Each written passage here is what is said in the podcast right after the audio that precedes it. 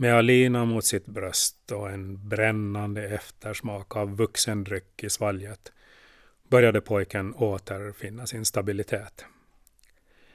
Nå, inga ska det väl bli så kallt. Jag kan ju vänta i stugan. Nej, du måste nog stå i farstun.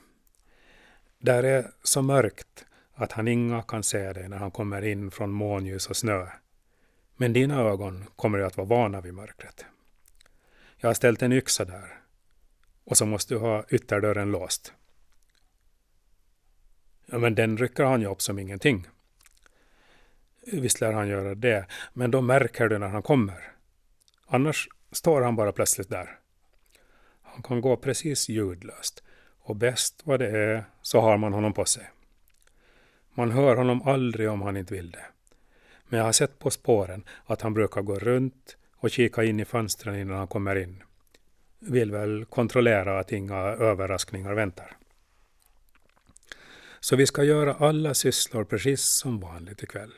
Och sen kryper vi i säng. Du får inga röra dig, för han har hörsel som en räv. Och väderkorn också.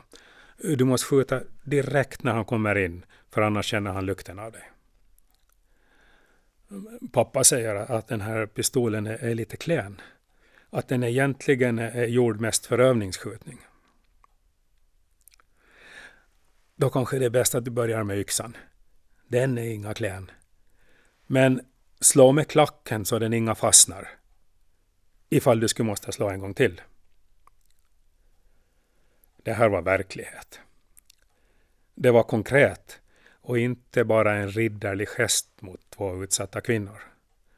Pojken började må illa, men Alina hanterade med en hutt till och en kyss på det. Det här har du planerat noga, sa han senare när det gått in i farstun och han vägde yxan i sin hand. Det är den viktigaste kvällen i mitt liv, för nu ska jag få livet tillbaka. Gå och pinka nu, så att du inga behöver gå senare, för man vet aldrig när han har kommit och står någonstans och lurar innan han kommer in. Men pinka i skithuset och kliv inga utanför våra gångar så där inga blir något spår. Vi får bara hoppas att han inga är här redan nu. Men han brukar komma senare. Det blev en kuslig vandring genom månljuset där Frimans ögon kunde lura i skuggorna och det dröjde länge innan han lyckades slappna av tillräckligt för att lätta sig. Kom ihåg att du måste slå så fort han sticker in huvudet genom dörren, sa Alina när han var tillbaka. Du får inga tveka ens om han skulle råka få syn på dig. Ge honom inga någon chans att börja prata, för då kollar han bort dig. Och sen tar han dig. Inga kan han se mig när han kommer in i mörkret från månljuset. Jag såg inga dig fast jag visste att du var här. Alina höll inne med att hon hade funderat över hur Friman tycktes se som en katt i mörker. Pojken måste visserligen få veta att han hade en farlig motståndare, men han fick inte bli paralyserad av skräck.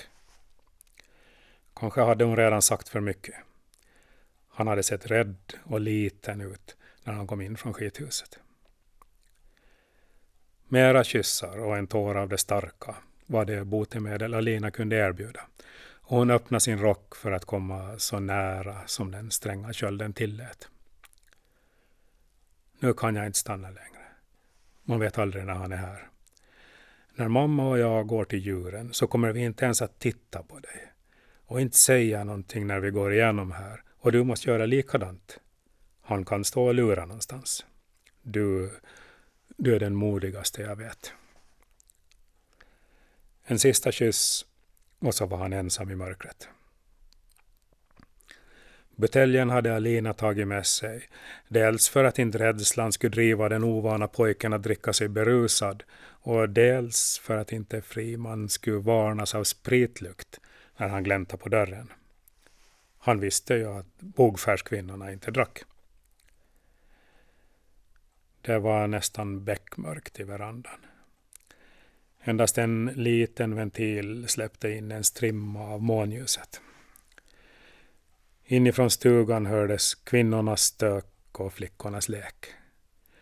Månstrimman vandrade sakta över väggen. Så gick Elina och Ida genom farstun och ut till djuren, blev borta en stund och passerade sedan på väg tillbaka in. De tittade rakt fram och sa ingenting. Karls ögon var nu helt mörkerställda och han såg dem tydligt i månskenet som föll in genom den öppna dörren. Ljuden inifrån stugan avtog, flickorna läste aftonbön och allt blev stilla. Kölden i farstun var sträng. Karl Westerlund svalde en snyftning. Karl Friman reste sig från sin kälke. Han hade stannat upp och satt sig för en begrundan efter att ha erfarit en dunkel känsla av väntande fara. Efter att ha sparkat ut från hemöns trygga men något avslagna värme hade han glidit som ett vindil över blankisen. Men mitt i glidet mötte ett os av vanstyg. Något illaluktande hade varslats i mörkret eller i tiden framför honom. Ett luftstråk som av barndomens härskna margarin, men unknare och ovanare för hans näsa. Han hade fått ett intryck av att en cirkel höll på att slutas och att hans färd ledde tillbaka till just den dunst av förnedring han ständigt strävade att löpa undan. Att det förflutnas samlade skam väntar tålmodigt i framtiden.